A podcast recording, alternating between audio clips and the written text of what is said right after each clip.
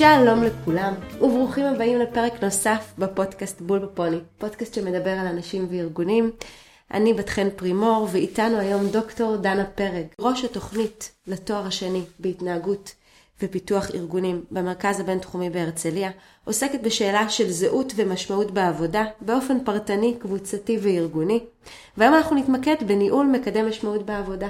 שלום דנה, מה שלומך? שלום בת חן, כיף להיות כאן ומועדים לשמחה. מועדים לשמחה לגמרי, כיף לנו ככה בבוקר של פסח להיפגש. תענוג, בסביבה הירוקה שלך כאן. אמ, אז אה, יש הרבה באמת אה, ככה שיח אה, סביב משמעות בעבודה, איך היא תורמת למעורבות, כמה היא פרודקטיבית, והיא אפילו גם יכולה לייצר חדשנות.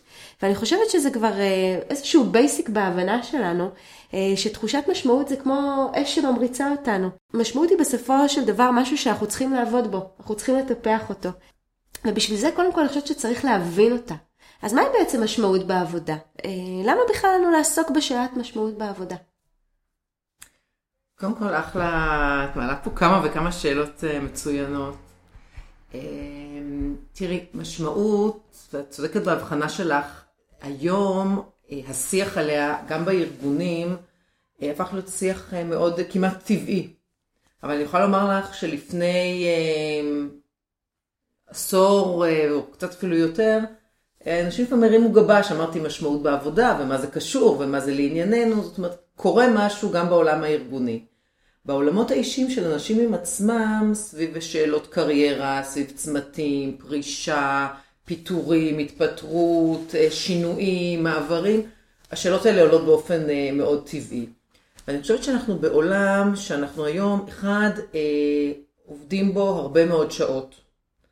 שתיים, אנחנו בעולם שיש מרחק לפעמים בין העשייה שלי לבין היכולת לראות תוצר. שוחחתי השבוע עם חברה שאמרה לי, אני הולכת לתת הרצאה לאנשי ההתיישבות העובדת, לחקלאים, על עולם העבודה. אמרה, לא נעים לי לדבר איתם על זה, כי, מה זאת אומרת, אה, העבודה במשרד, לעומת מה שהם עושים. אמרתי לה, תראי, הם, אחת הזכויות הגדולות שיש לחקלאי, זה היכולת לראות את הקשר בין העמל ומעשה ידיו לבין התוצר. הקשר הוא מאוד מאוד ברור. אה, אנחנו הרבה פעמים אה, יושבים במשרד, כותבים קוד, בונים תוכנית עבודה, או בצבא מתכננים מבצע, ולא תמיד בכלל ברור לנו מה האימפקט ומה ההשפעה של מה שאנחנו עושים. אני חושבת שסביב המרחק הזה, בין להיות זה שיוצר משהו, לבין לראות מה ההשפעה והמשמעות של זה בעולם, המרחק הזה מביא לשאלות על משמעות. אנחנו מדברים על מושג שהוא מאוד אבסטרקטי, וכשאנחנו מדברים על משמעות בעבודה, אנחנו מדברים על מושג מופשט, אבסטרקטי, בתוך עולם מאוד קונקרטי. והציר הזה בין הקונקרטי למופשט, התנועה הזו, הלוך ושוב, היא בעיניי התנועה שבה האדם יוצר אה, לעצמו את המשמעות, ודרכו המנהל או המנהלת יכולים לסייע לעובד לקדם את המשמעות שלו. אז שוב, אני חושבת שזו תנועה מאוד אה, עדינה בין מופשט לקונקרטי. כשאני שומעת את המילה משמעות, בשבילי המושג הזה, המילה הקונקרטית, המופשטת, אה, זה רעיון אה, שהוא מאוד אה, גדול, שבסוף מתכנס בעיניי למילה אחת, סיפור. בסוף משמעות היא סיפור, המסגרת שאנחנו מספרים לעצמנו, היא מאפשרת לנו להכיל קשיים, היא מאפשרת לנו להכיל מורכבויות וגם להרגיש יותר טוב עם עצמנו. בסוף זה סיפור בעיניי שיכול לתכלל את ההבנה שיש לנו לגבי האימפקט שאנחנו בעצם מביאים בעולם הזה, אם זה בעולם בחיים האישיים או בעבודה, אה, או על עצמנו, על האחרים, על העולם, זאת אומרת, איזה אימפקט אנחנו בסוף מביאים. קחי למשל את המילה שירות במקום העבודה. את יודעת, אני, כששואלים אותי מה אני עושה, אני אומרת שאני משרתת. אה, בשירות צבאי, יש את השירות אה, שירות ציבורי, ויש מקרים בהם שהדגש הוא באמת על, ה, על העובדה שאנחנו משרתים אחרים, שזה בעצם נותן לנו באמת הרבה יותר תכלית גדולה יותר למה שאנחנו עושים, וזה בעיניי מה שנותן לנו את המשמעות הגדולה יותר. אה, וכשאנחנו כמנהלים, אנחנו באמת אה, צריכים לעזור לאחרים, וגם לעצמנו במקרה הזה, אה, לפתח את הסיפור שהתחלתי איתו, את הסיפור האישי שלנו, שמסביר באמת למה אנחנו עושים את מה שאנחנו עושים, למה זה טוב לנו, למה אנחנו אוהבים את זה. מה, מה באמת מאפיין עובד שחש תחושת משמעות בעבודה? כשאת אומרת, משמעות זה בעצם סיפור, אני מאוד מסכימה לתפיסה הזו, עכשיו בעצם מה זה אומר סיפור? זה אומר שיש לך את היכולת להבין וגם אולי לומר או לתקשר את זה החוצה, אבל קודם כל לספר את זה לעצמך, שבו את מחברת את הנקודות. connecting the dots. זה יכול להיות connecting the dots בהקשר של הביוגרפיה הפרטית שלך, עבר הווה עתיד, אוקיי? מה הסיפור שלי בתוך הקורות חיים, שזה אנשים צריכים ללמוד לתקשר אותו בראיונות עבודה, בתהליכי קידום, במועמדות אה, לכל מיני משרות, אבל גם כשאני לא מתמודדת על איזשהו מעבר או משרה, זה להבין בעצם מי אני בתוך ההקשר הזה, או מה הסיפור שלי בתוך העשייה הזו. אז זה דבר אחד. הנקודה השנייה שאני רוצה לחדד ממה שאת אומרת, זה שבעיניי אחת ההגדרות הכי פשוטות למשמעות אה, ומשמעות בעבודה, זה תחושה של כיווניות. ותחושה של כיווניות בדיוק מתחברת עם העניין של קוהרנטיות בסיפור. Okay, אוקיי? זה אולי כמעט מקביל. זאת אומרת, כשאני מרגישה שיש כיווניות לעשייה שלי, ושיש לי הבנה למה א' יביא לב' יביא לג', לא בטוח שהוא יצליח, זה לא בטוח שאני אצליח. והרבה פעמים אני אומרת לאנשים, צריך להבדיל בין משמעות לבין הצלחה. לפעמים אני שואלת אנשים על המשמעות, הם אומרים לי, אני מרגיש משמעותי כשאני מצליח. זה לא אותו דבר, כולנו מעדיפים להצליח מאשר להיכשל. נכון, אפשר להרגיש נכון משמעות מאוד. גם בנפילות וגם בהצלחות. יש הצלחות שאנחנו לא מרגישים אותן כמשמעותיות, ויש נפילות שאנחנו מרגישים אותן כמאוד משמעותיות. אז משמעות והצלחה זה לא מילים נרדפות. אז תחושה של גיווניות, או מה שאת קראת הקוהרנטיות בסיפור, אני חושבת שזאת תחושת המשמעות. והדבר השלישי שאני רוצה לומר בהתייחס לדברים שהצגת, זה שמקורות המשמעות, מה גורם לי לחוש משמעות בעבודה, הם מאוד מרובים. וכמו שדיאטנית טובה אה, תמליץ לך להיות ניזונה ממגוון, מצלחת מגוונת, או איך אומרים ירקות בחמישה צבעים, באותו אופן, אני חושבת שהדבר הנכון הוא שאדם יחפש לעצמו מקורות משמעות בעבודה, או תחנות דלק לתדלוק המשמעות, ממקורות הזנה שונים. חלק קשורים לשאלה עם מי אני עובד, חלק המרחב היחסים. חלק קשורים לתוכן העשייה שלי ועד כמה הוא מבטא את היכולות שלי, את החוזקות שלי. חלק אחר קשור ליכולת להבין מה אני עושה כאן ואיך זה קשור למטרה נשגבת יותר או מופשטת יותר. או איזה תרומה או אימפקט יש לזה, אפרופו שאלת השירות אה, או עבודה בצבא. אבל זה תהליך של הבנה שהוא לא אחד לאחד המקצוע. לא כל האנשים שעובדים באקדמיה מקבלים משמעות מאותה תחנת דלק. לא כל בהחלט, הרופאים, נכון. המשמעות שלהם. אז אני חושבת שזו הנקודה שנורא חשובה, וככל שיש לך יותר מקורות תדלוק, מצבך טוב יותר. ואנחנו כמנהלים צריכים לבוא אה, ולמצוא את הדרכים לגרום לאנשים שלנו לחוות את זה, זה באמת הרבה יותר מורכב, כי זה הרבה יותר משיחת מוטיבציה או איזשהו פלק, פלקטים מגניבים כאלה שנמצאים בחברות, אה, ואת יודעת, זה אפילו יכול לייצר אה, ציניות ו, וסלידה מאותם דברים. אבל בתכן את יודעת, אני חושבת שכאן אנחנו גם צריכים להיות אה, אה, קצת צנועים. כי משמעות בעבודה, כמו אגב הרבה חוויות בחיים או תחושות, אה, אני תמיד אומרת, זה כמו מחלקת אבדות ומציאות. זאת אומרת, אה, האדם מחפש משמעות והעובד מחפש משמעות, יכול להיות שהמנהל או המנהלת עוזרים לו גם למצוא אותם, אז יהיה לו, אבל יכול להיות שזה יאבד אחר כך. ולפעמים המשמעות מחזיקה אורך חיי פרויקט, חודש, לפעמים מחזיקה תקופה מאוד ארוכה, ולפעמים היא באה והולכת ומתחלפת. ואני חושבת נכון, שצריך נכון להיות מאוד, מאוד אה, קשובים לעניין של התנודתיות במשמעות. זה לא אה, אפס או אחד. זאת אומרת, יש פה דרגות שונות, יש תקופות שזה נעלם, יש תקופות אחרות שזה חוזר.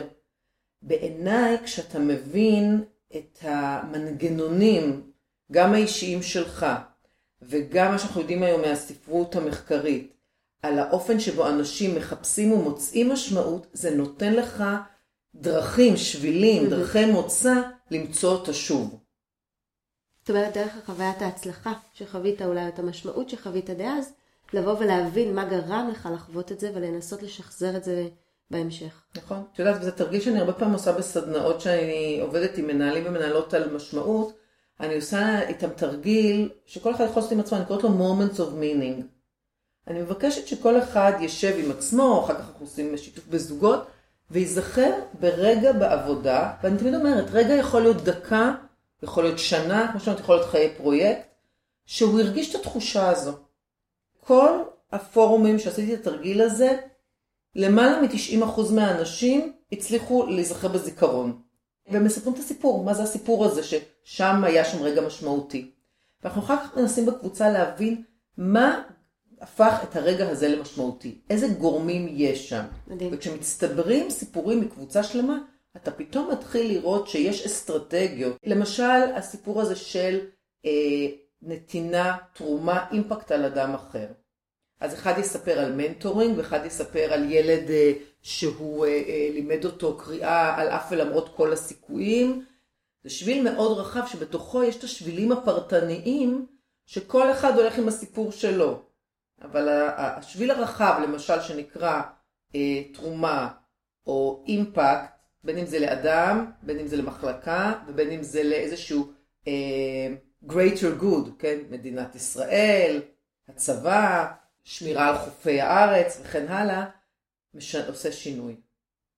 באמת, אה, אני חושבת ש, שלעסוק באמת בשאלה אה, ולזהות את האסטרטגיות זה באמת קריטי כדי באמת לדעת לשחזר את זה וגם להבין שזה לא כל הזמן. זאת אומרת, אה, זו חוויה שיכולה כל פעם להתחדש, היא נקטעת, היא באה בתדירויות שונות וזה משחרר. כאילו להבין, אתה לא כל בוקר תקום ואתה תחווה את תחושת המשמעות הגדולה ביותר שלך. לגמרי. זה משהו שהוא, זה, זה, זה כל כך נכון בעיניי. זה לגמרי, ויותר מזה, כשיש לך מזה מספיק, ואני לא יודעת להגיד בכמות כמה מיליליטר זה מספיק, ברור. אבל לפעמים זה יותר דומה לתבלין. Mm-hmm. זאת אומרת שזה נמצא במידה אולי לא גדולה, אבל מאוד קריטית שמשנה את התבשיל של חיי העבודה שלך. נכון. אבל נכון. כשזה נמצא ברמה מספקת, זה משנה אה, את היכולת שלך, למשל לעשות גם פעולות יותר משמימות, אה, שלא נראות לך משמעותיות ואתה חייב לעשות אותן, ובכל נכון. עבודה יש את זה. נכון.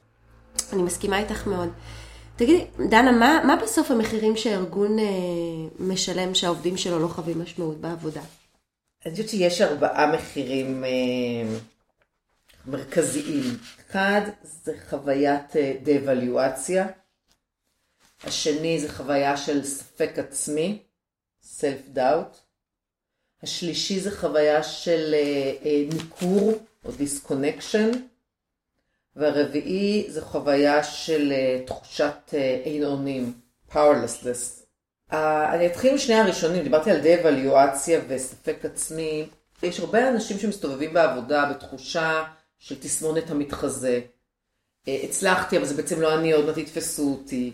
יותר שכיח אצל נשים מאשר אצל גברים, אבל... Uh, או בתחושה שהם בלתי נראים, לא רואים אותם, או הם לא מוערכים, עכשיו, התחושות האלה של הדה-אבליואציה והספק העצמי, הן מאוד מתחדדות כשיש לך היעדר, כשאין לך משמעות. אז ממחיר אחד שהוא בעיניי מחיר אה, כבד, וההיבט השני, שני הדברים האחרים שהזכרתי, הניכור והתחושת אין אונים, היא גם קשורה משהו למרקם בתוך הקבוצה, בתוך החברה, בתוך המחלקה. ואני חושבת שבסופו של דבר, הרבה פעמים אנשים כשהם עוזבים תפקיד, הרבה מאוד פעמים יש מאחורי זה שאלות של משמעות. זאת אומרת, משפטים כמו אה, מיציתי את עצמי, אני בסדר התפקיד כבר, אה, או תחושה שלא מתייחסים אליי, או תחושה שאני בלתי נראה, כל אלה נוגעים בחוויה הזו של המשמעות. אחד מהתפקידים שעשיתי, אה, הגעתי ל, לארגון, שאת מעבירים את הסקרים שביעות רצון, ו, והיו שתי שאלות שמאוד עניינו אותי. שאלה ראשונה, כמה אתה שבע רצון מהתפקיד שלך, ושאלה השנייה, כמה היית ממליץ לחבר לעשות את התפקיד שאתה עושה, או להגיע לאותו ארגון. והשביעות הרצון הייתה מוערכת מאוד מאוד גבוה, וההמלצה לחבר, ממש איזה 20 אחוז, סימנו קטגוריות גבוהות. עשיתי רעיונות, חקרתי, עשיתי ממש מחקר של חצי שנה. אה, ואחד מהדברים שככה גיליתי מעבר ליחסים שהיו שם, והכל, זה באמת ש... שזה היה הרבה שיח סביב משמעות. דיברת על החקלאי, על זה שיש אנשים שכותבים את הקוד והם רחוקים מהמשימה, אז אותו דבר גם כאן. אה, אגב, זה מאוד מתחבר לי עם ויקטור פרנקל. אה, מי שלא הבין ולא, ולא, ולא עלה לו בראש עד כרגע, עד השיחה שלנו, אז באמת ככה מי שלא מכיר את ויקטור פרנקל, הוא היה פסיכולוג אה, יהודי אוסטרי ששרד את השואה. אה, ובעקבות כל החוויות שהוא חווה אה, בשואה, הוא כתב את הספר האדם מחפש משמעות. אז קודם כל, מי שלא קרא, לרוץ לקרוא, אני יכולה. לשתף, חובה, אני קראתי לפחות ארבע פעמים את הספר בכל מיני תחנות בחיים שלי.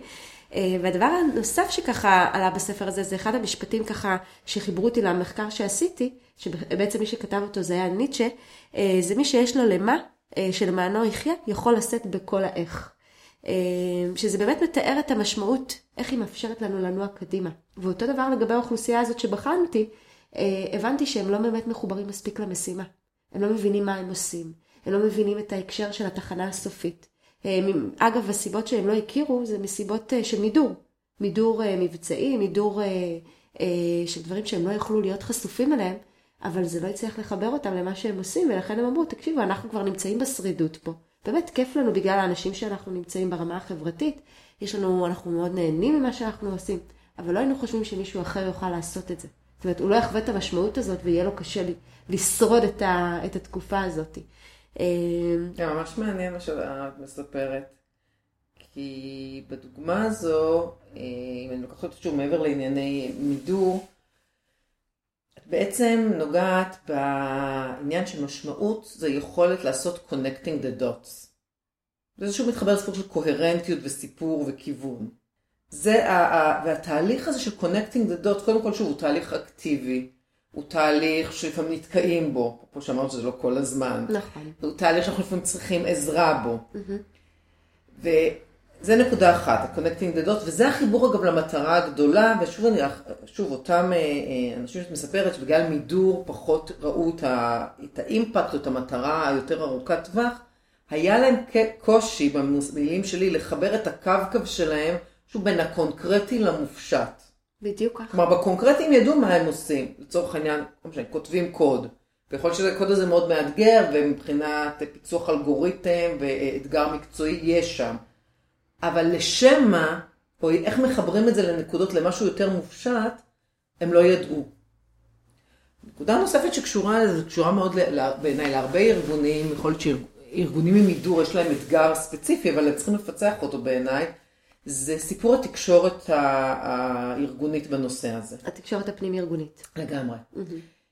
הרבה מאוד פעמים, בגלל מידור פוליטי, או בגלל היעדר זמן, ולרוב בגלל היעדר תשומת לב, האדם שיודע יותר, נניח המנהל, הרבה מאוד פעמים לא מתפנה, או לא נותן את תשומת ליבו לכך, לסייע לצוות שלו להבין את האימפקט או את המטרה היותר רחוקה של, שאיתה הוא עושה את מה שהוא עושה. ואז אנשים עושים עבודה, אבל הם לא רואים את האימפקט. עכשיו, זה יכול להיות מכל מיני סיבות, כי המנהל הוא גם בקשר עם הלקוח, אז שומע מהלקוח איזה אימפקט היה לפיתוח הזה אצל הלקוח. וזה משהו שאני חושבת שהרבה מנהלים צריכים להחזיק בראש, על התפקיד שלהם לסייע ב-connecting the dots. האם אנחנו יכולות להגיד בעצם שמשמעות היא תרופה נגד שחיקה? לגמרי, שחוויית משמעות זה אנטידוט לשחיקה. והפוך גם הולך, זאת אומרת, כשאנשים מרגישים חוסר משמעות, השחיקה או היכולת לשאת אי נוחות, אתגרים, אפילו סבל, כמו תקופת הקורונה, אה, מאוד מאוד מצטמצמת. אה, אני חושבת שאחד מרגעי המפתח כדי להעלות באמת אה, את השאלה הזאת למודעות, את הרעיון של המשמעות, זה דווקא יכול להיות על דרך השלילה.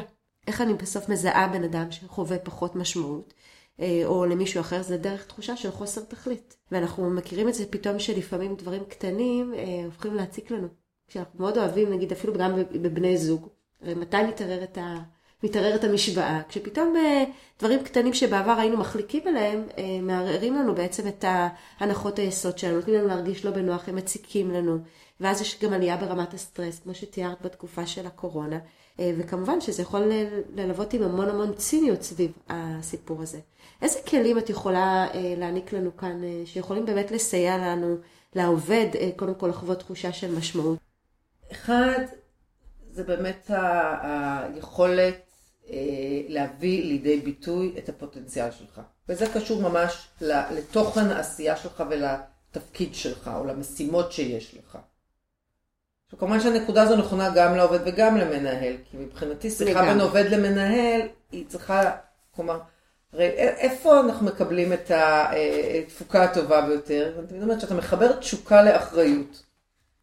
נכון. זאת אומרת, אם אני מצליחה, את יודעת מה החוזקות שלך, או אני כמנהל שלך מצליחה לזהות את זה, ואנחנו מצליחים למצוא שלפחות בחלק מהעשייה שלך, הדברים האלה יבואו לידי ביטוי, אני מגבירה את הסיכוי לחוויה של משמעות. אז אחד זה הסתכלות באמת על התפקידים, או לפעמים עיצוב מחדש, job crafting של התפקיד, באופן כזה שיהלום כמובן את צורכי המשימה הארגון, אבל יביא לידי ביטוי את החוזקות שלי ואת מיצוי הפוטנציאל. אפיק שני קשור לאפיק של, אה, שהזכרנו קצת קודם, של התרומה או של האימפקט. למי העבודה הזו משנה?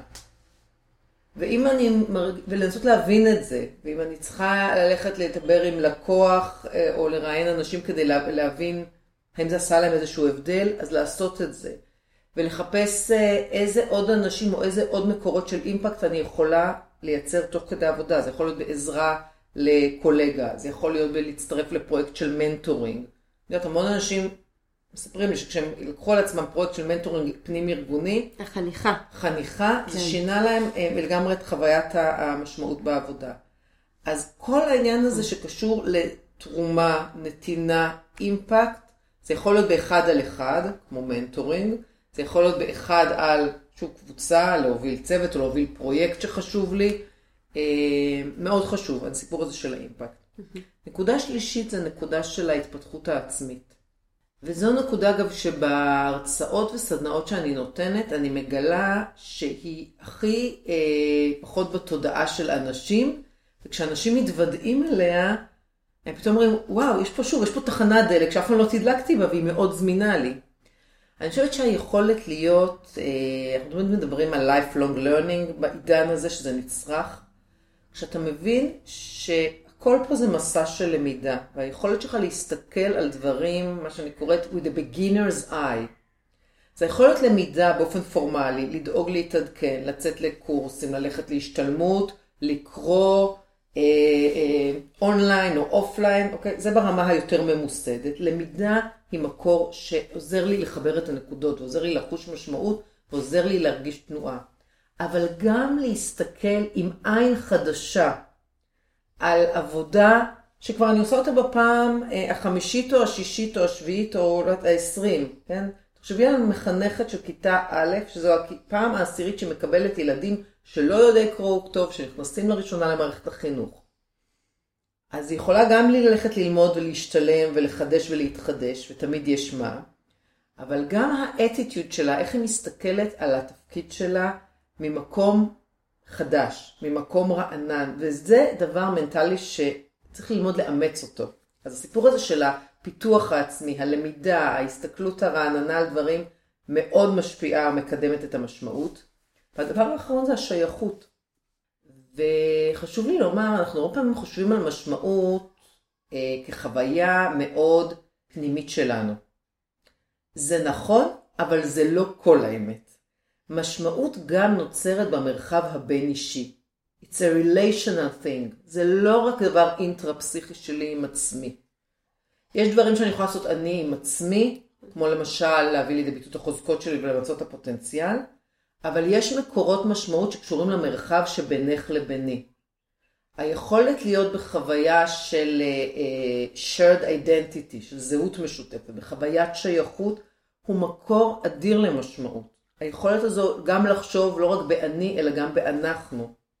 ולא הייתי ממיתה בזה. זאת אומרת, אה, השיח הזה, עכשיו כשבתוך קבוצה כזו גם מתנהל שיח, וזה הדבר האחרון, לייצר הזדמנויות לשיח על משמעות. לייצר דיסקורס על זה, שזה יהיה מדובר. אני כל כך כל כך מתחברת לזה, כי את יודעת, תמיד אני אומרת שיש שלושה דברים שבן אדם צריך בחיים. אחד, שלהרגיש שייך, אה, מינקות כשאנחנו ילדים. אה, הדבר השני זה רלוונטיות. בסוף אה, שאנחנו עושים משהו שהוא רלוונטי, שהוא משמעותי. והדבר השלישי זה הפידבק. אין בן אדם שלא צריך לקבל פידבק, שיתפלאו ממנו, שיעריכו את מה שהוא עושה. וזה באמת ככה, מניתי את כל החמשת הנקודות כאן, שזה גם להביא לידי ביטוי פוטנציאל, גם תרומה ואימפקט, גם התפתחות עצמית, גם שייכות וגם לייצר הזדמנות על, ליצירת שיח על משמעות. בעיניי זה, זה מתכונת אה, מנצחת. ממש, ממש ממש התחברתי לזה. את יודעת, אני, אני באמת חושבת המשמעות זה באמת דבר שכמו שאמרת, שהיא משתנה, היא, מתעצב, היא מתעצבת והיא גם יכולה לדעוך עם הזמן, ואנחנו צריכים באמת לתקף אותה אה, דרך שיח של הזדמנויות, אה, ואנחנו צריכים לבנות באמת מנגנונים שיזינו את, החוויה הזאת. ואני חושבת שההתמדה במקרה הזה זה שם המשחק. איך אנחנו כמנהלים בסוף יכולים אה, לבוא ולהשפיע על הקידום של המשמעות? תיארת פה המון נקודות שהן בעיניי חופפות, אבל יש משהו שהיית ככה מציעה למנהלים לעשות?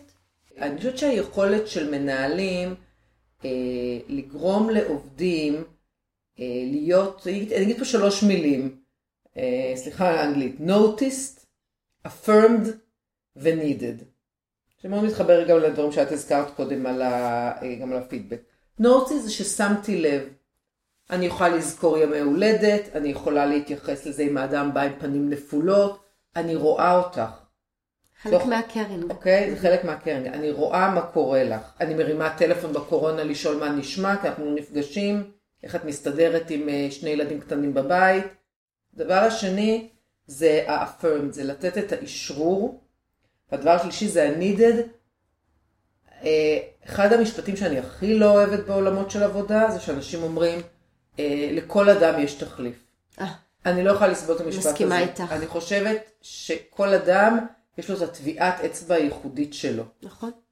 ונכון שמשימה שונה יכולה להתבצע על ידי אנשים שונים בדרכים שונות. וכדי שאדם ירגיש משמעות, הוא צריך לשאול את עצמו, איך אני הולכת לבצע את, את המשימה הזו. בין אם אני עכשיו במשרת קורונה, פוטרתי והלכתי עכשיו לעשות משרה אה, שיש לי כרגע ליד הבית כדי להכניס הכנסה, השאלה היא איך אני בא, הולכת לעשות את העבודה הזו.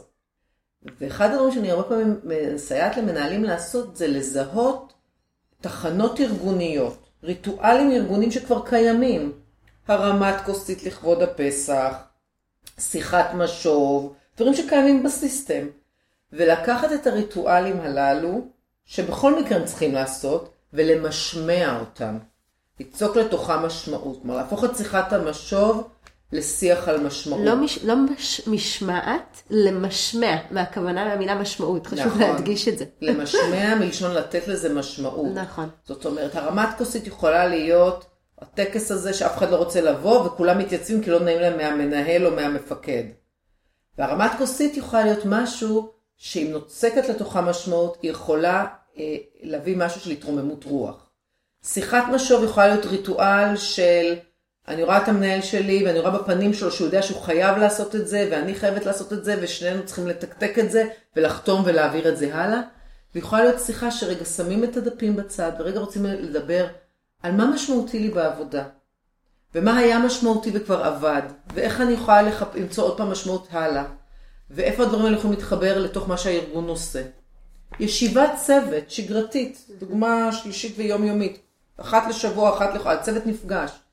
איך אתה פותח ישיבת צוות באופן כזה שאתה מכניס תוכן של משמעות למה שאנחנו עושים כאן. Mm-hmm. שוב, מחבר את הקונקרטי, יש לנו עכשיו ישיבה לסגור פרטים לגבי הלקוח המסוים הזה או לטפל בתקלה, איך אני עכשיו לא מדברת רק על הקונקרטי, איך אני מחברת את זה למשהו אה, יותר גדול, לאבסטרקטי.